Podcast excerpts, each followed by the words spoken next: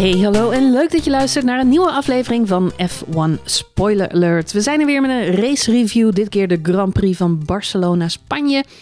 Het was mooi weer, Johan, in, eh, in Spanje. Hola, Ja. ¿qué tal? Eh, ja. eh, Amigos, gaat- amigas. Gaat ze gaan met je trail tosse versas uh, por favor.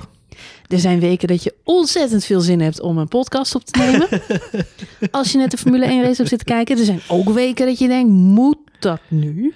Het grappige is, ik had van tevoren al een beetje in mijn hoofd dat dit nog wel eens een taaie, taaie uitzending kon gaan worden. Omdat je, ja, Barcelona is wat we al zeiden, iedereen heeft alle data al en iedereen weet alles al. En het is altijd, eh, Mercedes is het dominant, dus je hebt een soort van tegenzin. En toen begon de race en dacht ik, ah, misschien heb ik het verkeerd, bij het verkeerde einde. En wij nog als twee ontzettende wijsneuzen. Wat maken ze een mega fout bij, bij Mercedes? Ja. Goed, we gaan het allemaal over hebben. Uh, de Grand Prix van Spanje. Laten we even beginnen. Laten we de, de, de koe bij de horens vatten. De stier bij de horens, Uh, ja. ja, de overwinning. Daar ging natuurlijk vandaag weer niemand anders dan Lewis Hamilton mee aan de haal. Ja. Dat is teleurstellend, denk ik, voor veel Nederlandse kijkers. Die, die net als jij uh, eigenlijk zaten te kijken met het idee van... hey, Max pakt hem gelijk bij de start.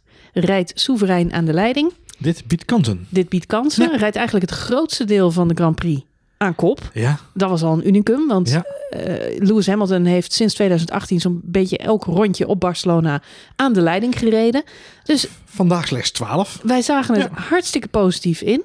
Waren het niet dat we, uh, ja, we, wij Nederlandse fans uiteindelijk uh, verliezen op, op pitstopstrategie. En dan kan ik me zo voorstellen dat um, veel kijkers zich af zullen vragen: was hier iets aan te doen geweest? Ja. Had Max een andere strategie moeten kiezen? En was het dan niet zo uitgepakt? Wat denk jij? Nou, het grappige is, jij zegt inderdaad we verliezen op pitstopstrategie. Maar ik moet me eigenlijk wel een beetje aansluiten bij Christian Horner. Uh, die na de race gewoon gezegd heeft... Uh, Mercedes heeft gewoon tijdens de wintertest wederom niet het achterste van hun tong laten zien. Sinds Bahrein zitten ze er gewoon bovenop. Zij verbeteren zich gewoon week op week op week.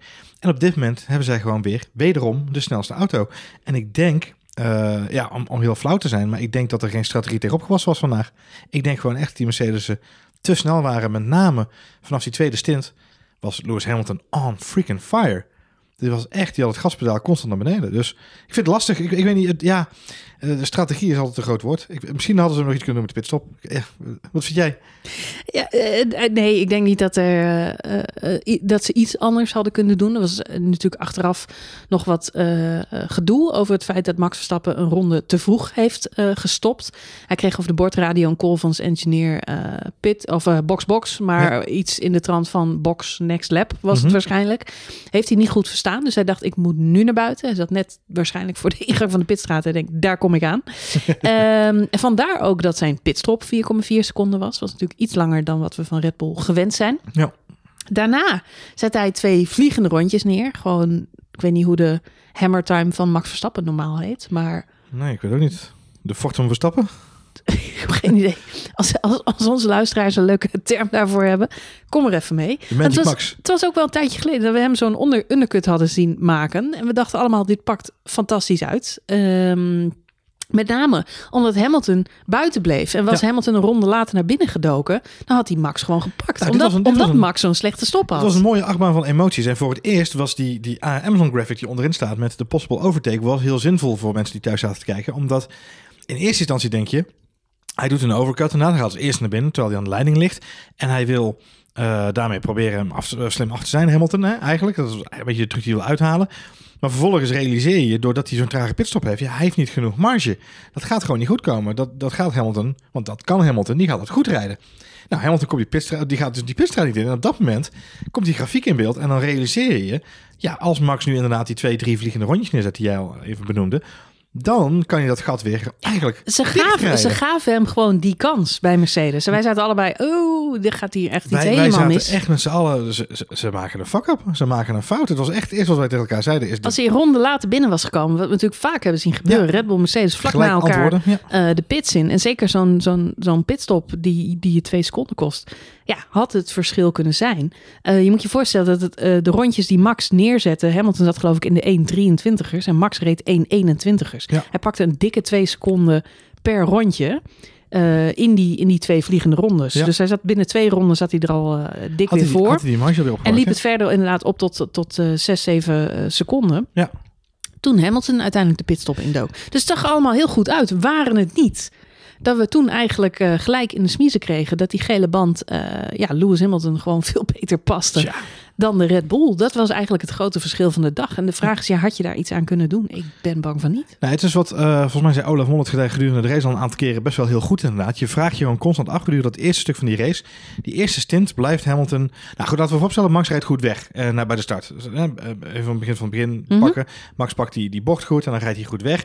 Alleen dan komt natuurlijk die ongelukkige safety car in ronde 6 met, met Tsunoda. En dan heb je die herstart, die doet Max trouwens ook weer hartstikke goed. Alleen op dat moment zie je al, Hamilton blijft er wel heel erg goed bij. En dan is de vraag al in je achterhoofd, is Max Verstappen nu aan het sparen? Doet hij een Kimi Räikkönen'tje 2016? Hè? Houdt hij hem zoveel mogelijk binnen de afstand dat hij hem kan afweren, terwijl hij zijn banden ook managt? Mhm. Of is hij inderdaad met zijn tand het stuur aan het rijden? En dat zie je dan eigenlijk bij, bij die tweede stint op die, op die medium tire van, van Hamilton, die met die gele wang. Dan zie je pas inderdaad dat Max Verstappen echt al, al die tijd hartstikke hard aan het pushen was om die Mercedes op afstand te houden. Omdat ze gewoon veel sneller waren. En dan hoor je ook de boordradio's voorbij komen inderdaad van joh, weet je, dan krijgt hij input van zo'n engineer van joh, eh, probeer die bocht nog een beetje zo te pakken en die bocht een beetje zo. Waarop hij ook gewoon zegt, joh, luister, ik ben gewoon op, op, op mijn limiet aan het racen. Je, dus ik probeer het maximaal uit de machine te halen. Dus ja, op dat moment werd duidelijk dat die, die gele band, ja, dat was Hamilton eh, een gouden greep op dat moment. Ja, dat was misschien één ding. eh, je, je kunt zeggen, er had één ding anders kunnen gebeuren. Hamilton gaat natuurlijk op, op zeker moment voor zijn tweede stop. Vrij vroeg eh, na die eerste stop. ehm, had Max gelijk de ronde daarna gepit. Ja. Dan had hij er waarschijnlijk nog eh, nipt voor gezeten. Eigenlijk hetzelfde soort scenario als wat we daarvoor bij, eh, bij Max zien. Ja. Echter, ja, dan was even de vraag geweest: welke band had hij dan eh, onder gedaan? Ehm, en had hij daarmee Hamilton achter zich kunnen houden? Ja. Want dan had hij er misschien weer één seconde voor gereden. Maar hij had natuurlijk Hamilton eigenlijk al de hele race eh, ja, in zijn nek hijgen. Binnen DRS zo'n beetje. ja. Op de gele band was Ja. hij denk ik kansloos geweest. Had zij allebei banden even oud gehad, dan was Max alsnog kansloos geweest om, eh, om hem nog eh, zo lang achter hem Nou, te en dan houden. komt die vermaledijde vinder om de hoek zeilen bij, bij Mercedes. Want die zat daar natuurlijk nog tussen. Het probleem wat voor Max op een gegeven moment wel echt een issue was... is dat hij niet zomaar een pitstop kon maken... omdat Leclerc en Bottas nog wel binnen diezelfde afstand zaten. En ik zit even te kijken inderdaad snel op het overzichtje. Hamilton heeft slechts 14 rondjes gereden op die nieuwe mediums.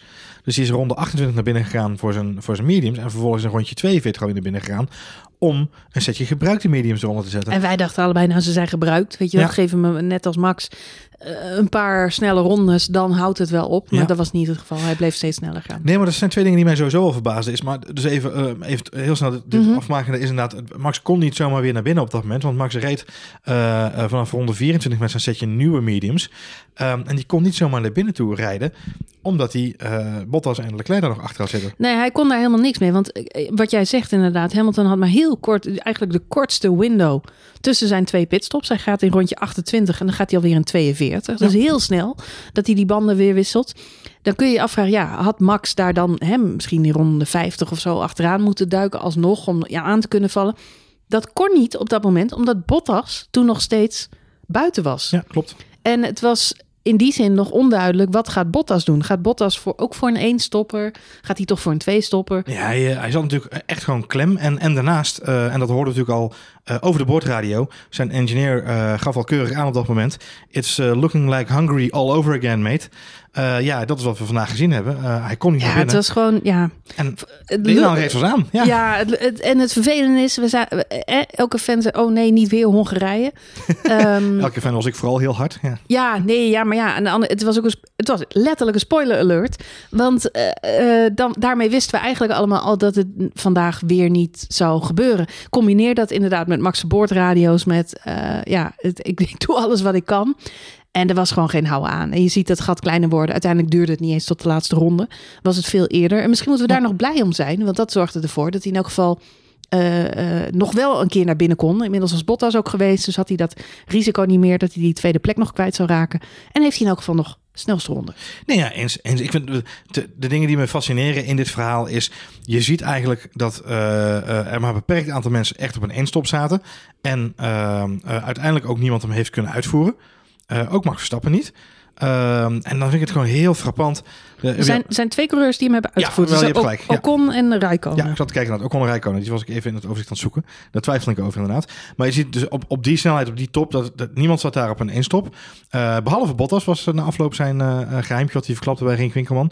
Dat hij daar dus op een, op een eenstop eigenlijk zat. Maar wat me opvalt is dat ze bij Red Bull dus ja, of het niet goed doorgerekend hebben... eh, of het wel gedacht te hebben goed doorgerekend te hebben... Uh, en, en dus inderdaad gewoon een datafout gemaakt hebben. En dat zou ik heel vervelend vinden, want dat geeft wat weg voor de rest van het seizoen als dat soort dingen. Want het, weet je, als het een call is geweest vanuit Red Bull, vanuit de datacalculatie, uh, en het is onderbouwd geweest, ja, dan is dat misschien nog wel erger onderaan de streep dan blind, naïef proberen het toch stug vol te houden. Ondanks het feit dat zelfs Max Stappen zei, ik ga het niet volhouden op deze banden. Nee, ik, ik blijf bij de conclusie die we aan het begin al trokken. en dat is, er was niks aan te doen vandaag.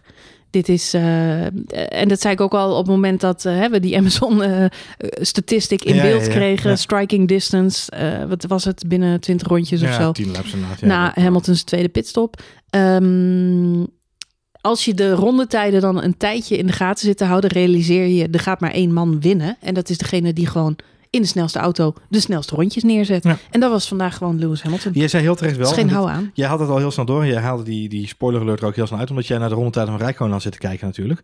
Uh, die, ja, die aan waren... het einde van zijn, uh, zijn eerste stint op die mediums ja. gewoon echt niet meer om aan te gluren waren. Nee, dat was verschrikkelijk. En, ja. en, en de, de onoplettende kijker had dat ook uh, wel kunnen zien. Want uh, Rijkonen zat op zeker moment op een prachtige zesde, zesde, zesde plek.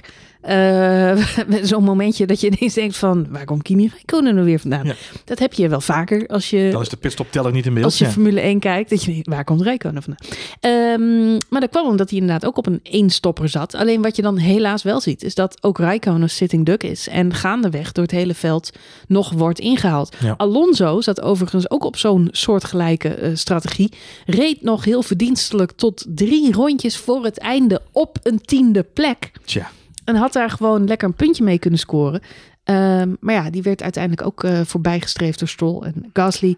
Ja. En uh, besloot toen ook toch nog maar een extra stopje te maken. Wat eigenlijk zijn race compleet uh, vernachelde aan het einde. Uiteindelijk eindigt hij 17 inderdaad. Ja, ja, je had ook kunnen zeggen... waarschijnlijk was hij door Russell en Vettel sowieso wel ingehaald op het laatst. Want die zaten ook echt in zijn, in zijn versnellingsbak. Ja. Maar goed, uh, ja, dus de eenstoppers, het pakte eigenlijk voor niemand heel goed uit. Kimi nee. Räikkönen, wat jij net zegt, ja, zijn rondetijden, heeft 37 rondjes gereden op die gele band. Ja.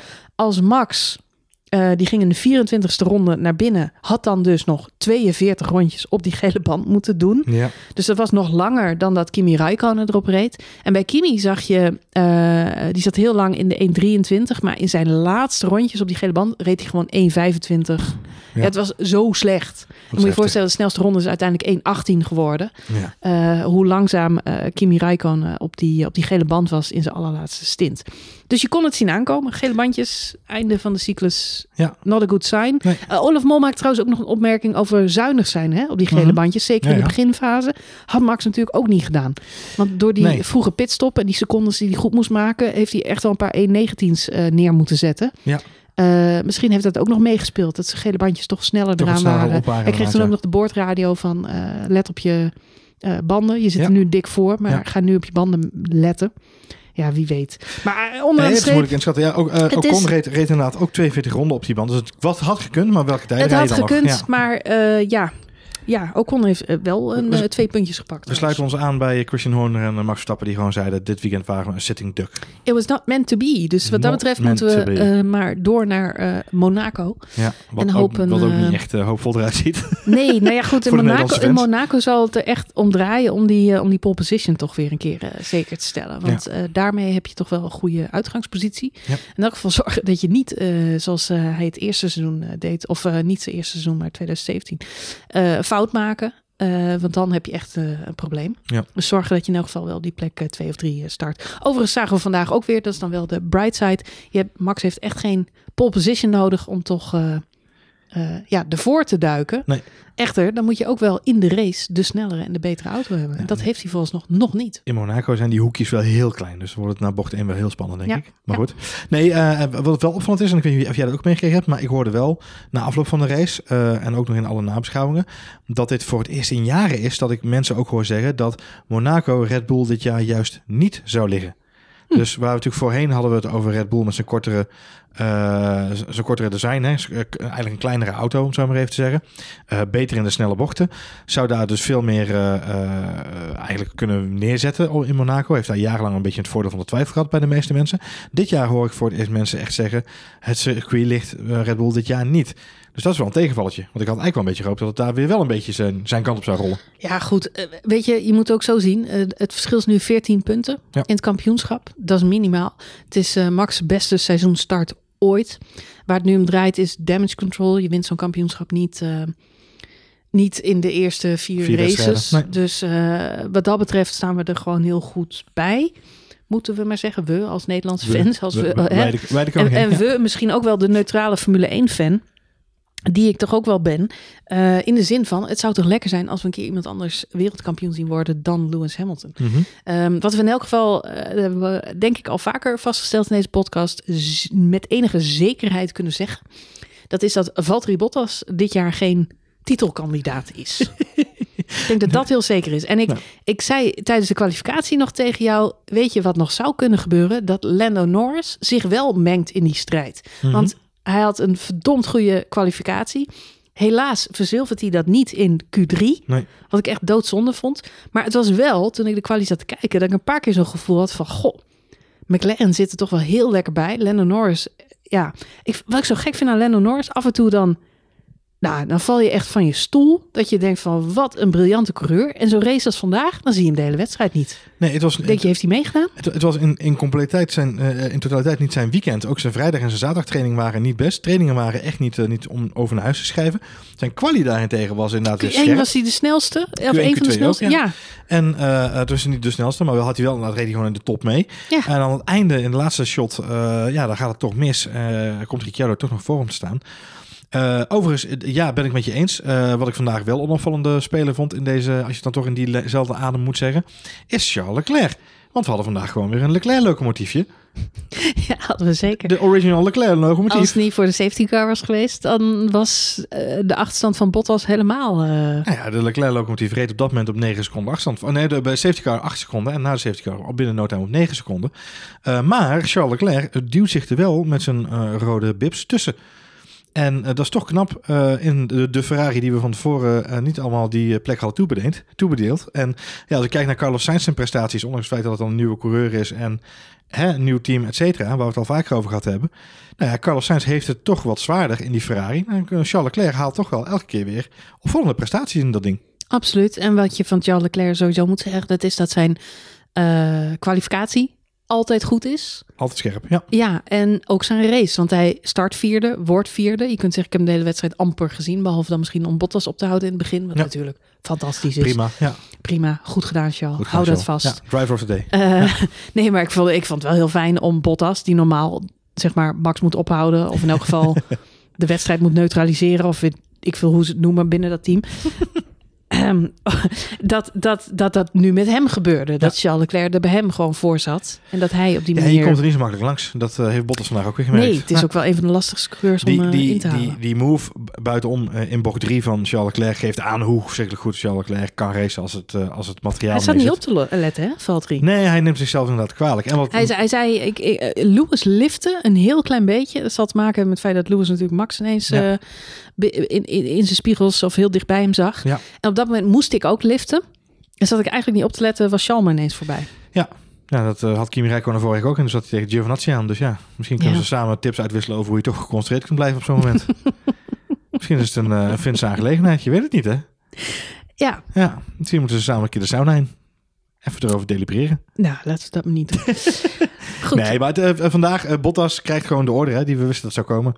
Uh, hij moet Hamilton langs laten. Ja, het wordt nu het lullig altijd van die orders. We noemen hem nu al het hele seizoen uh, Barrichello 2.0. Ja, Valtteri Barrichello. Valtteri Barrichello.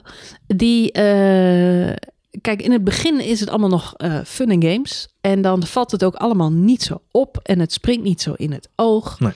Maar als je dan tijdens de race de daadwerkelijke orde krijgt... aan de kant met je dikke reet, dan, ehm, ja, dan, dan wordt het wel pijnlijk. Nou, en dat je- merkt hij ook, want dat wilde hij dus En ik even wil zeggen, niet. als je dan niet wil gaan, dat dat je hem krijgt is één ding. Maar hoe je daar als coureur mee omgaat is een ander ding. Ja, het begint nu voor hem ook frustrerend te worden. Ja. En dat en dat en we hadden het ook nog in de quali bleek achteraf niet zo te zijn, maar het leek er in de laatste ronde van de kwalificatie ook nog heel even op. Alle auto's laatste moment nog de baan op. Ja. Lewis Hamilton vier aan kop. Eh, daarachter Bottas. Eh, Max rijdt eigenlijk iets te laat die, die pitbox uit. Zit achter een hoop verkeer. Weet hij allemaal nog in te halen. Maar hij gaat uiteindelijk die vliegende ronde in achter Bottas. Ja. En we zien dan Hamilton verbeteren. Maar Bottas die rijdt geel. En eh, als gevolg daarvan waarschijnlijk Max Verstappen ook. ehm, denken wij op dat moment. Dus Ja. het leek er zelfs op dat Bottas in de quali... eigenlijk de opdracht had gekregen... kun je Max Verstappen Moving roadblock. Ophouden. Ja, Ja. nee, want als Bottas daar een roadblock kan zijn, het hele veld zat achter die Mercedes'en. Dus als Bottas de snelheid kan bepalen, dan kan niemand zijn ronde daar nog aanscherpen. Nee. En dan, nou ja, goed. En Ja, da- ja, daar leek, ja. uiteindelijk bleek het wind te zijn, want ook hè, Hamilton Het, he- het hele verbetert eh, zijn ronde daar niet. Dus het zal met de wind te maken, want niemand verbetert zich in, Nee, die, in die laatste stint. Maar ik moet zeggen dat ik wel even heel gefrustreerd was, het, omdat ik dacht... het aluhoedje in mij was wel eventjes boos. aan Nou ja, het, weet je, eh, eh, ik irriteer me dan. Ja, het is enerzijds fair, maar aan de andere kant, we hebben het wel vaker gehad over de parallel met wielrennen. Maar het is niet voor niks dat ik geen wielrenfan ben en wel van Formule 1. Dat is omdat dat soort spelletjes niet kunnen. En nu begint het toch een handje van te krijgen Hmm. dat ze bij Mercedes die spelletjes natuurlijk wel uit de kast trekken. Het Ja. is toch een beetje, het is een Duits team, het is een beetje Duits voetbal af en toe. het is, eh, ja, en ik hou er niet van. Maar goed, dat komt natuurlijk ook omdat ik zo partijdig ben als pest. Eh, in die zin, niet anti-Mercedes, maar wel, ja, kom op, laat nou eens een keer weer eh, een ander team en een andere coureur eh, dat kampioenschap winnen. Dat Ja. zou voor de Nou ja, sport alleen maar weet leuk zijn. Wat je, wat, je, wat je zegt is, laat nou een keer een ander team zijn of een andere coureur. Dat vind ik allemaal nog tot daar aan toe. In de zin van, volgens mij zei Olaf het vandaag ook, dat volgens mij is voor Lewis Hamilton ook zijn beste start van het seizoen sinds jaren. Eh, en dat heeft gewoon te maken met het feit dat hij een Lucifer in zijn reet heeft in de vorm van Max Verstappen. Mhm. En eh, ik denk dat, ik- dat dat misschien nog wel het mooiste is van de sport. Op dit moment zien we gewoon twee coureurs, en je ziet het vandaag ook weer in de race, twee coureurs presteren echt zo fenomenaal beter dan de rest van het veld. Die rijden iedereen, nou ja, bijna iedereen op een rondje. Ze rijden eh, eh, makkelijk bij de rest van het veld weg. Komt door het materiaal, maar komt ook door de mensen die achter het stuur zitten. Ze brengen eh, ook op een baan als Barcelona, waarvan we allemaal weten dat het niet de meest spannende race van de wereld is. Dat was het vandaag eigenlijk weer niet, maar wat maakte het spannend? Die twee gasten die daar vooraan met elkaar aan het stoeien zijn en, en proberen elkaar in een, hè, in een, soort van val te lokken, zou ik bijna willen zeggen, of in een fout te drukken. Ehm, ja, weet je, als Hamilton aan het eind van dit kampioenschap ook nog steeds bovenaan staat, weet je, fair enough. Dan, dan heeft hij hem maar een keer gewonnen. Maar dit heb ik tien keer liever dan vorig seizoen of het seizoen daarvoor, waarin hij nauwelijks tegenstand heeft. Waarin zijn enige tegenstander zijn teamgenoot is, waarvan we allemaal weten dat hij beter in de sauna past dan in een Formule 1 auto af en toe. dus weet je, ja. Ja, maar goed, ze moeten wel het spelletje eerlijk bij, blijven spelen. En dat doen ze natuurlijk ook. Alleen ik heb me in de jaren 90, eh, of de jaren 0 moet ik zeggen, ook doodgeërgerd aan het, uh, het Ferrari-duo Schumacher en Barrichello. Ik weet nog hoe mateloos gefrustreerd ik was over die 1-2'tjes, de teamorders, het voorbij laten gaan. Uh, ja. het, het is voor de sport is het uh, deprimerend. Het is uh, niet leuk om naar te kijken. Ook, ook als neutrale kijker, juist als neutrale kijker, irriteer ik me heel erg aan dat soort opzetjes. En ik, ik kan het ze niet kwalijk nemen, want het zijn de dingen die er voor nodig zijn om nee. kampioen te worden.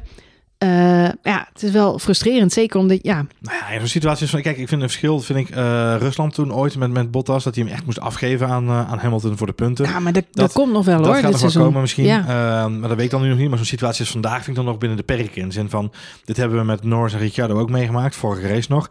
Dat Norris zoveel meer snelheid had dan Ricciardo... dat Ricciardo de opdracht krijgt, ga aan de kant... Weet je, laat hem er langs, want je, je houdt je teamgenoot op. Ja, maar wat dus je dat nu... soort dingen snap ik. Maar Ja. dat, zolang, we geen, zolang we maar geen uh, punten gaan weggeven, snap je? Nee, nou ja, goed, ja. maar wat je wel nu ziet gebeuren, dat is dat ehm, eh, Bottas wordt in zijn hele strategie al op een ander plan gezet. Weet je wel, Bottas krijgt geen strategie meer op winnen. En ik vind het, fru- ja, ook voor Bottas vind ik het frustrerend om, om over de boordradio steeds te horen, hunt him down. You can still take the victory. Of weet ik veel wat ze allemaal voor onzin tegen die gast zeggen. Ja. Want natuurlijk gewoon leugens en bedrog zijn. Het is gewoon Niet, niet, natuurlijk gaat hij die race niet winnen. En ik zit ernaar te kijken en ik, ik irriteer me dood. Maar kun je nagaan als je Valtteri Bottas zelf bent. Ik vind het voor hem ook gewoon vreselijk vervelend. Ik weet, ik weet niet hoeveel... Uh, het grappige dat dat zegt, want ik zit me, ik, nu jij dat zo zegt, realiseer ik me ineens. Hij heeft dus bij Rick Winkelman na afloop gezegd... Ja, ik weet niet of ik het mag zeggen, maar ik stond eigenlijk op een eenstop. Lewis Hamilton zegt nog geen tien minuten daarvoor in zijn interview... Ja, we wisten van Mercedes eigenlijk al op basis van ervaring dat een eenstop hier nooit gaat werken. Daar win je hier geen races mee. Ja, dat zeg ik. ik denk, hij wordt, hij wordt compleet geringeloord door zijn eigen team. Het is gewoon... Iedereen weet hoe het zit daar. Iedereen weet hoe het zit, behalve Valtteri Bottas. En dan moet je je ook weer gaan afvragen... hoe groot is de kans dat George Russell daar volgend jaar rijdt? Dat zit ik me dan ook steeds weer te bedenken. Want George Russell is daar een veel te intelligente coureur voor. Jawel, maar George veel Russell, te gretig. Maar George Russell komt wel als de kroonprins. En uh, kijk, Lewis Hamilton gaat geen uh, vijf jaar nog doorrijden. Even afkloppen. Uh, ja, maar dan moeten ze, luister, doorrijden. dan moeten ze dit jaar die call maken. Anders is George Russell klaar bij Williams en dan gaat hij weg. Zo, het is nu of nooit. Als je George, George Russell nu niet... Maar nu de call maken dat hij volgend jaar in die auto zit, bedoel je? Hij moet. Zijn contract loopt af bij Williams. Ja, dat snap ik. Maar dat, hij zit zijn beste tijd van zijn leven ik, daar ik, ik weg verwacht, te... ik verwacht, Mijn verwachting is dat ze halverwege het seizoen al bekend gaan maken... dat ze niet doorgaan met Bottas. En dan is George Russell de eerste die daar zit. Ja, maar dan is de vraag... Want op dit moment, hoe vervelend wij het als fans ook vinden... op dit moment is het de winning tactic. Het is de strategie om het kampioenschap binnen te hengelen. Je hebt één allerbeste Formule 1 coureur aller tijden van dit moment... die gewoon in staat is om super consistent en op ervarenheid en op pure snelheid en, en uh, gewoon fitheid uh, deze prestatie te leveren. Het is gewoon, ik denk dat Max en Lewis echt aan elkaar gewaagd zijn. Ik denk eigenlijk dat er amper iemand in de buurt komt. Mm -hmm. En dan heb je Valtteri Bottas, die je gewoon als een soort ja, pionnetje steeds op de plek kunt zetten, precies waar hij hem wil hebben. En hij heeft het zelf niet in de gaten, ja, want dan is hij gewoon niet snug genoeg bij elk, elk team. Ik bedoel, als bij Red Bull daar nu iemand zou zitten die uh, als, als het om, stel nu dat het niet Mercedes was geweest, maar Red Bull. En, mm -hmm. en Max Verstappen was Lewis Hamilton geweest. Dan was Sergio Perez nu toch de, de Valtteri Bottas geweest tot Max Verstappen zijn Lewis Hamilton. Ik bedoel, dat, dat, dat hou je toch altijd op dat niveau. En, en nou ja, geloof dat me dat, dat Christian Horner en Helmut Marko niks liever zouden willen... dan ook zo kunnen omgaan met een tweede coureur. Ja, maar dat, dat hou je alleen op dat niveau als, um, als de situatie zich voordoet. En het vervelende is, me, kijk, uh, wat jij zegt is heel terecht. Uh, hè, dat zou je dat met Perez op een gegeven moment ook doen. De grap is, dat hoeven ze niet met Perez te doen. Want Perez, die rijdt zichzelf op een enorme achterstand op dit moment.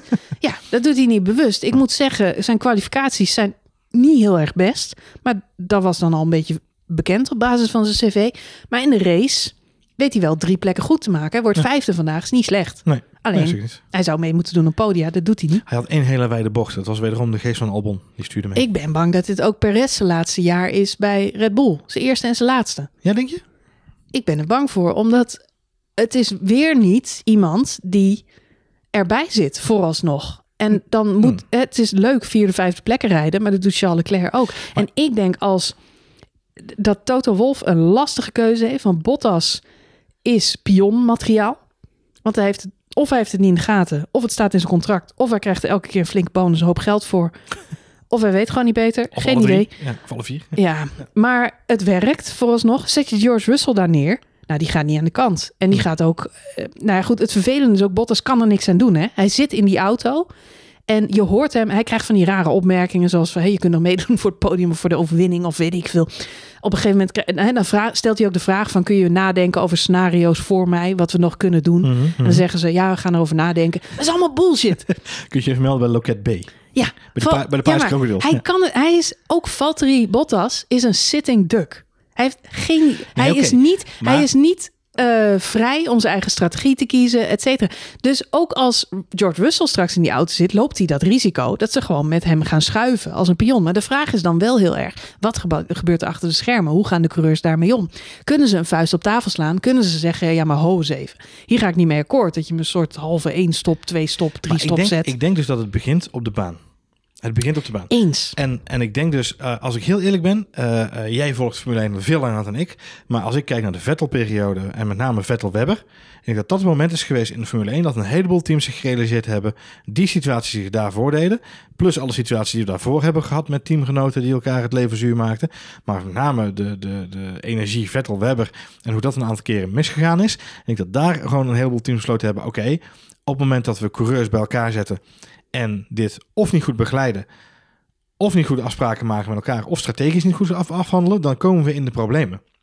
En ik denk dat uh, Rosberg uh, Hamilton uh, is een soort van laatste uitsisser daarvan. Van die, van die foute gedachte die er was in de Formule 1 dat dat wel goed kon gaan. En ik denk dat sindsdien een heleboel teams zich realiseren. Je moet één dominante coureur hebben die gewoon plankgas geeft, die, die dat heel goed kan. En je moet er iemand erbij hebben die en met vuur, die, die persoon de vuur aan het schenen kan leggen. En voor de punten kan meestrijden. En dat is hetgene wat ze ook bij Red Bull zoeken. En dat is ook hetgene wat ze feitelijk bij Mercedes zoeken. Het feit dat Valtteri Bottas op de baan niet laat zien dat hij George Russell kan zijn. Want ik denk, ik ben oprecht, nou ben ik een beetje een George Russell fanboy misschien. Maar ik ben ervan overtuigd als je George Russell nu in die auto zet, dat hij constant tweede wordt. Want ik denk dat George Russell in staat zou kunnen zijn om Max Verstappen achter zich te houden. In kwalificaties en in races. Dat is Bottas op dit moment niet. En dat is het probleem. Bottas is op de baan niet in staat om zich als een echte nummer 2 te, te op te stellen. En zolang Lewis Hamilton bij Mercedes rijdt, is er maar één nummer 1. Dat is namelijk de persoon met 100 pole positions en 98 raceoverwinningen. Dat is op dit moment de absolute nummer 1 in de sport. Dat is niet, niet gek dat Valtteri Bottas daar achter rijdt. Ik ga eerst even reageren op je eerste punt. graag, graag. En dan gooi ik Zal even... Ik, ik pak even mijn notulen erbij. Wacht even. Dan gooi ik eerst even een kruifje erin. Oh, een kruifje. Als je 11 Messi's hebt, dan stel je de 11 op. En zo is het in de Formule 1 ook. Ik geloof niet in het Schumacher en Barrichello principe, omdat er in de hele Formule 1 misschien maar één Schumacher is en dat is op dit moment Lewis Hamilton. En ik ben met je eens dat ze bij Mercedes inderdaad zo denken, maar ik denk bij het gros van de andere teams niet. Ja. Um, en waar we het net over hadden, uh, je wil een pion, maar een pion ontstaat. Een pion is vaak iemand die zichzelf helaas in die, pro, in die positie, positie manoeuvreert. Oh nee, maar dat zijn we met elkaar eens. Want, ja. dat is, want dat is ook vandaag weer de uitkomst. Valtteri Bottas zat op een andere strategie, kreeg toch iets anders. Uh, is in elk geval de dupe van een aantal beslissingen. Maar wat je ook tussen de regels doorhoort in de interviews, dat is dat Valtteri Bottas het daar zelf naar gemaakt heeft, omdat hij zich in de eerste ronde liet passeren door Charles Leclerc. Mhm, Was dat niet gebeurd, had hij andere strategie kunnen kiezen, had hij andere dingetjes kunnen doen, bla bla bla. Met andere woorden, hij krijgt niet het voordeel van de twijfel van zijn team, omdat hij gewoon nog nooit heeft laten zien dat hij de snellere of de betere coureur is. Bij Perez gebeurt op dit moment precies hetzelfde. Perez heeft over twee, drie races geen poot meer om op te staan. Mhm. Die zal de rest van het seizoen te horen krijgen: move over, want Max komt eraan. Weet je, ook, ook al hervindt hij zich, op een gegeven moment is het de achterstand zo groot dat hij gewoon geen serieuze rol meer speelt. Alleen het vervelende bij Bottas is dat hij wel steeds uit de startblokken komt met het idee dat dat toch uh, zo is of Ja. kan zijn. Hij, hij kijkt zelf steeds als een verbaasd wezentje om zich heen van wat gebeurt er hier Ja, allemaal is- om me heen. Maar dat is ook een beetje wat ik, misschien om dat dan te verduidelijken. En volgens mij zijn we het gewoon met elkaar eens. Dus moeten we nou goed snel verder met de rest van de show. Maar ik, ik denk inderdaad dat tot Hamilton's Messi zijn, hebben zij geen Frenkie de Jong die op zijn positie net zo goed is en Dat maximaal eruit haalt. En eh, wat je, kijk, er is maar één Messi op dit moment en er is maar één Cristiano Ronaldo en dat is dan misschien Max Verstappen. Die zitten in andere teams, dus ze, doen, ze vechten tegen elkaar. Vind ik een hele moeilijke vergelijk dit. Zijn we er nog, Formule 1 fans? Ehm, maar er zijn, er zijn eh, eh, dus twee mensen die op dit moment top presteren. Dat, dat zijn nou eenmaal de, de, de, de, de beste van de beste. Ho ho, Max is nog geen goat, hè? dus dat kun je, dat kun je niet zo Nee, maar zeggen. op dit moment zeg ik qua vorm en hoe ze presteren. Dus die twee mensen zitten bij een team, die, dat zijn de beste coureurs van dit moment. Oké, zwaar, prima. Maar dan heb je nog steeds iemand die in staat is om binnen jouw team altijd te zorgen dat hij de tweede man is, direct achter jouw eerste man. Dus als er als inderdaad een, een George Russell bij Mercedes wel in staat zou zijn om precies wat jij ook zegt en wat we eigenlijk samen zeggen, op de baan constant gewoon op die tweede plek te rijden, dan is er volgens mij geen man overboord. Als Checo Perez in staat zou zijn om constant aan te sluiten, zou er geen man overboord zijn. Ja, maar ik denk dat ehm, eh, de twijfel groot is. Ja. Want eh, nogmaals, ik weet niet hoe George Russell, hoeveel eisend hij is. Eh, ik denk dat hij pinter is. Ik denk dat, ehm eh, nou, Bottas zagen we vorige week nog pole position pakken. Mhm. Ik denk dat George Russell misschien wel vaker in staat is om dat te doen naast Hamilton misschien. Ja, Ja, Ja. en dan krijg je ook die. Dan krijg je dus niet dat na 2, 3, 4, 5 races duidelijk is de nummer 1 en 2. En dan moeten ze, dan krijgen ze Dan gaan Ro- managen. Rosberg en Hamilton all over Nee, again. want dat is de chemie. Dat is psy- psychologische chemie. Maar dat kun, dat kun je managen. En zeker met iemand die jong is versus iemand die oud is. Dus dat is een andere... Ik denk dat het een hele andere manier van spelen is. Maar dat is inderdaad wat jij al zegt. Dat is ook giswerk. Ook van ons nu in dit geval. Eh, maar laten we erop stellen. Kijk, het, het begint op de baan. En ik, op dit moment Bottas en Perez zijn op dit moment niet de, de secondanten die deze twee mensen zoeken. Dat is denk ik nee, want op zich is het natuurlijk er- ernstig dat Bottas weer derde wordt. Gelukkig Marjolein heb ik vandaag gehoord Mhm. dat Esteban Ocon nog steeds onder de vleugels valt van Toto Wolff. Ja, ik las het ook, ja. dus er zou nog steeds sprake van kunnen zijn dat die weer... Zijn, is. zijn contract loopt natuurlijk af bij, eh, bij Renault. Eh Pierre Gasly wordt daar nog steeds genoemd. Maar eh, nee, Maar dat zie Toto heeft niet, gezegd, eh. laat eerst, we laten het eerst over aan Alpine eh, wat zij doen. Weet je, het risico is, als zij niet voor Russell gaan, dan gaat Russell elders heen. En de Ja. kans is groot dat hij dan bij Red Bull terechtkomt. Ja, ja Dus tweede een, auto op de grid. Of McLaren. Ja. Aston Martin moet je in elk geval niet zijn. Een deceptie. Die zijn dus ook een hoedje gezocht, denk ik. Overigens, eh, speaking of goats, ik heb wel genoten vandaag van eh Seb Vettel, Fernando Alonso, Kimi Räikkönen. Na de Spannend- wedstrijd of spannend, voor de ja. wedstrijd? Altijd. Oké. Maar eh, nee, spannend gevecht. Ja. Op de Oh, baan. je bedoelt dat in de laatste ronde de Gasly. ja, Gasly die keek waarschijnlijk om zich heen. vier, Vier, dik breed inderdaad. emoji face sterretjes in de ogen. Nou, ik denk, ik denk Keer dat het was heel maf om te zien dat ze om plek ja, per 10, 11, Yuki 12. Tsunoda zal balen dat hij dat gemist heeft. Ja, dat denk ik ook. Die Ik zal in de pitbox, die zal jaloers hebben zitten toekijken denk je hoe zijn, hij, eh, denk je dat hij een beetje gevloekt heeft? Of, eh? ja, hoe Ja. zijn teamgenoot verwikkeld was in gevecht met... Ja, maar ik denk niet dat Yuki Tsunoda daarbij was geweest. Dus eh, ik denk helaas dat Yuki daar een, niet, niet in de buurt was geweest. We moeten wel even hebben over Alpine, want Alpine zat er goed bij dit weekend. Jij zegt Alpine liet zich zien. Alpine liet zich zien. Ja. Ehm, Esteban Ocon verzilvert dat met een eh, nou ja, best een mooie negende plek. Echter, Mhm. je zou ook kunnen zeggen hij is 50 gestart. Had er eigenlijk meer in moeten zitten. Hij verliest er vier, ja. Ja, Alonso hebben we het net al over gehad. Eh, moet ik zeggen, ik vind dat hij in de kwalificatie er ook altijd heel goed bij zit. Ehm, Zeker de laatste twee races, ja. ja. Ja, dus je kunt niet zeggen dat dat eh, teleurstelt. Ik vind hem beter ogen dan Vettel. En dat voor iemand die ouder is en die er twee jaar uit is geweest. inderdaad. En die in een auto zit waarvan iedereen vooraf zei...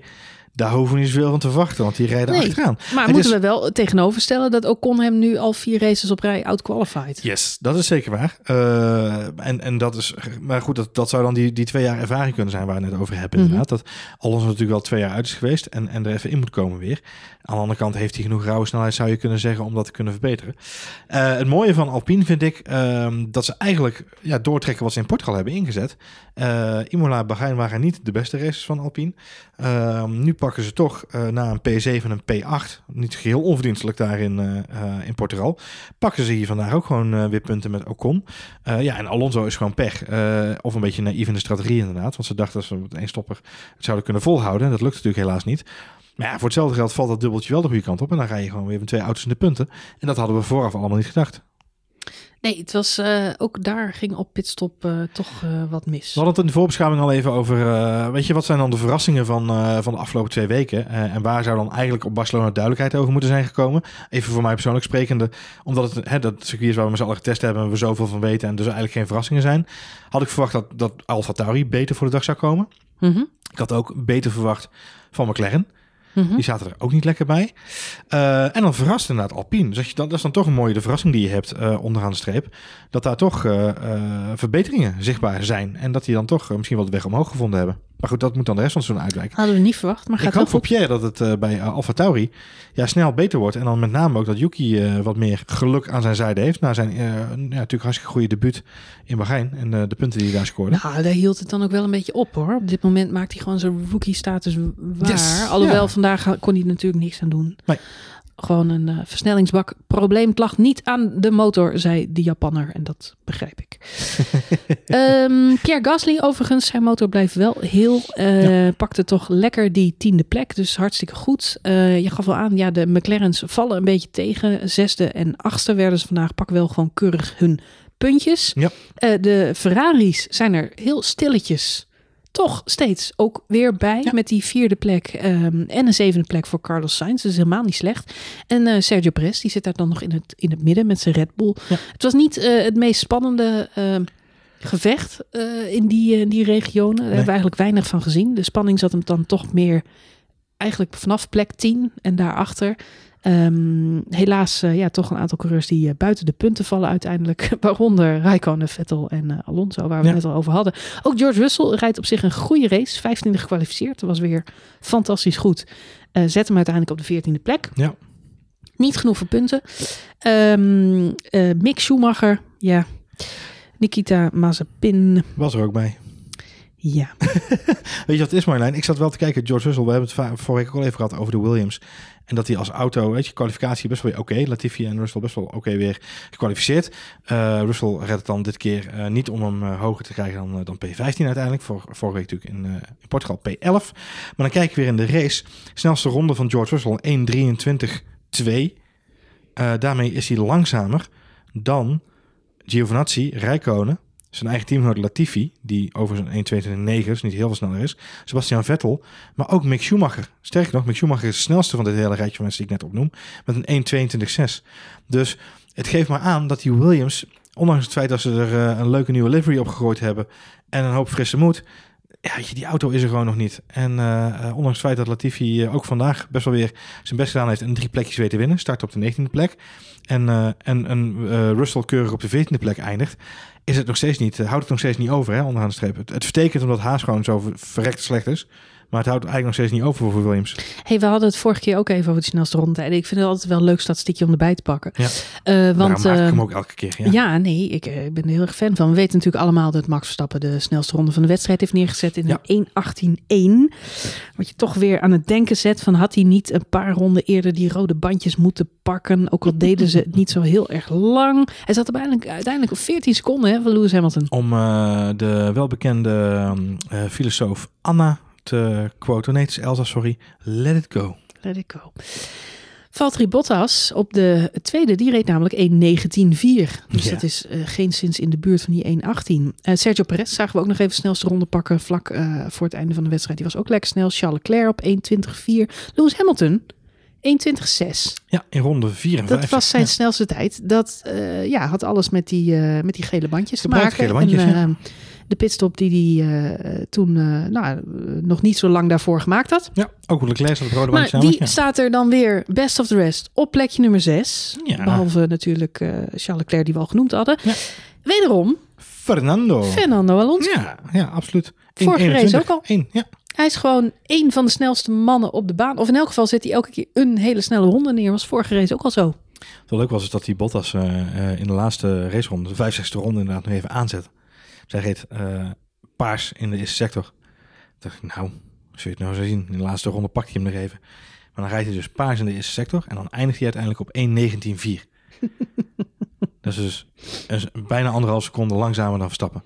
Ja, teleurstellend. Overigens Mick Schumacher twaalfde. de Ja, dat zeg ik al. Ja, die heeft het hartstikke goed gedaan. Best goed gedaan. Die houdt gewoon, Nikita eh, Mazepin die, die rijdt, gewoon keurig eh, drie wereldtitels eh, voor zich, eh Marjolein. Nikita Sorry, rijdt als enige een 1.24 als snelste ronde. Dat was zijn snelste ronde. Dat Tegen de 1.18 van Max Verstappen. Nou, dan weet je ongeveer hoe de het doet met Nikita Mazepin achter het stuur. Ik ben toch wel heel benieuwd hoe dat straks gaat op Monaco. Ik denk dat ze... het was vandaag weer ja, tenenkrommend. Hè? Het is gewoon de- keren dat hij in beeld komt, dan, dan, dan zet heel Nederland de pacemaker aan. Het is gewoon, dat zeg ik, de hele wereld. Iedereen houdt zijn hart vast. Ja. Dat er geen ongelukken of verschrikkelijke dingen gebeuren. Nou ja, dat, laten we vooropstellen. Ik, ik, Monaco, ik hoop dat ze of van die botsautobanden voor hem neerleggen langs de zijkant. Zoals bij het bolen, dat ze de reling dichtleggen. Maar ik, om heel eerlijk te zijn, zoals die ook de, de- er was veel te doen over de, de eerste, de eerste outlap die hij reed in de, in de training, dat hij gelijk alweer eh, in stand stond. En om heel eerlijk te zijn, als hij dat op Monaco heeft, zo'n momentje, dan is gewoon zijn race voorbij of zijn training voorbij. Dus Dat zou schelen. dat zou een hoop schelen. Als zij hem nou die lekke band geven van Giovinazzi. ja, dan zijn we er gewoon snel vanaf. Ja, hier, eh, lek ventiel, ga je gang. Ze hebben hem vorige keer naar binnen gehaald om uit de blauwe vlaggen te blijven. Ja. Het zou Gunther Steiner sieren als ze hem nu gewoon een lekke band om willen zeggen. als Gunther Steiner nou geen dikke sponsor zou hebben gehad, de vorm van Papa Mazepin, dan had hij gezegd, ik hou hem binnen vanwege de schade, want die kan ik niet betalen. Maar ja, nu rekent eh, Papa Mazepin alles Ik zou hem gewoon Dus, binnenhouden vanwege levensgevaar. Het is gewoon. Ik denk dat gewoon de drivers meeting op donderdag is, dan zeggen ze, oké jongens, wat we doen, we sturen ons allereerst Nikita naar buiten, dan laten we daarna de barriers repareren en dan gaan wij daarna trainen. Goed. Ehm, het zit erop, Johan. De Grand Prix van Barcelona. Het was geen enerverende race. Echter, we hebben wel een puntje van de stoel gezeten. Maar dat had vooral met de strategie te maken. En de strijd om de plekken 1 en 2. Uh, verder uh, denk ik dat een hoop teams interessante data hebben verzameld op dit circuit. ja. Dus ja, dat moet dan de rest van het seizoen weer blijken. Een hele, hoe dat, uh, hele vreemde verkapte... Hoe dat verder gaat. Het zit allemaal nog steeds erg dicht bij elkaar. Het kan nog alle kanten verkapte test was het vandaag, een soort testdag. Of zoals mijn dochter zei, hey mam, Valtteri Bottas staat derde in het kampioenschap. Hij is een plekje gestegen. Ja, is de enige in dit gezin die alles goed had in de... In de voorspellingen. In de voorspellingen van ons Fantasy GP. Ja, Mocht je nog uh, geld dus, zetten op dit nog, soort dingen. Ik heb, je nog advies ik heb willen? een zesjarig mini-talent die, die al deze weekenden goed voorspelt. Die kan alles gewoon, uh, ja. Dus. dus. die heeft te kijken op. Dat is wel mooi. Dan kan ze over een paar jaar de podcast overnemen. Ja, dat zou goed zijn. Ze willen ze graag meedoen. ja, zou leuk zijn. Ja, Wordt wel zijn. een latertje voor haar. Ja, precies. ah joh, Red Bulletje erin. Ja, precies. Goed kunnen. Hey, goed. 23 mei, Marjolein, dan is uh, de GP van Monaco. 23 mei? 23 mei. Oh. Zullen we tussendoor nog een keer een updateje doen? We doen tussendoor zeker ja, een updateje. Gezellig. Zouden er al uh, silly season updates zijn voor die tijd? Het gaat alweer richting de zomer. Nou ja, de grote silly season natuurlijk al gehad met Bottas' verhaal. Maar ja, het gaat wel richting die kant. Dus, nou, goed, er zullen dit jaar niet zo heel veel wisselingen zijn als vorig jaar misschien. Nou ja, je weet het maar niet. Je weet het niet. Je, je weet het niet. Je weet het We zetten er niet op. Goed, uh, wil je reageren? Dan kan dat zoals altijd via Telegram, via Twitter, via Instagram, via welk kanaal je ook maar wil. Postduif vinden we ook leuk. Postduif. Gooi hem erin. Ja, kan allemaal. En uh, anders dan zijn we er weer voor de Grand Prix van Monaco. Toch? Ja joh. Nou. Ik, heb er, ik heb er nu al zin aan. Bedankt voor het luisteren. Tot de volgende F1 Spoiler.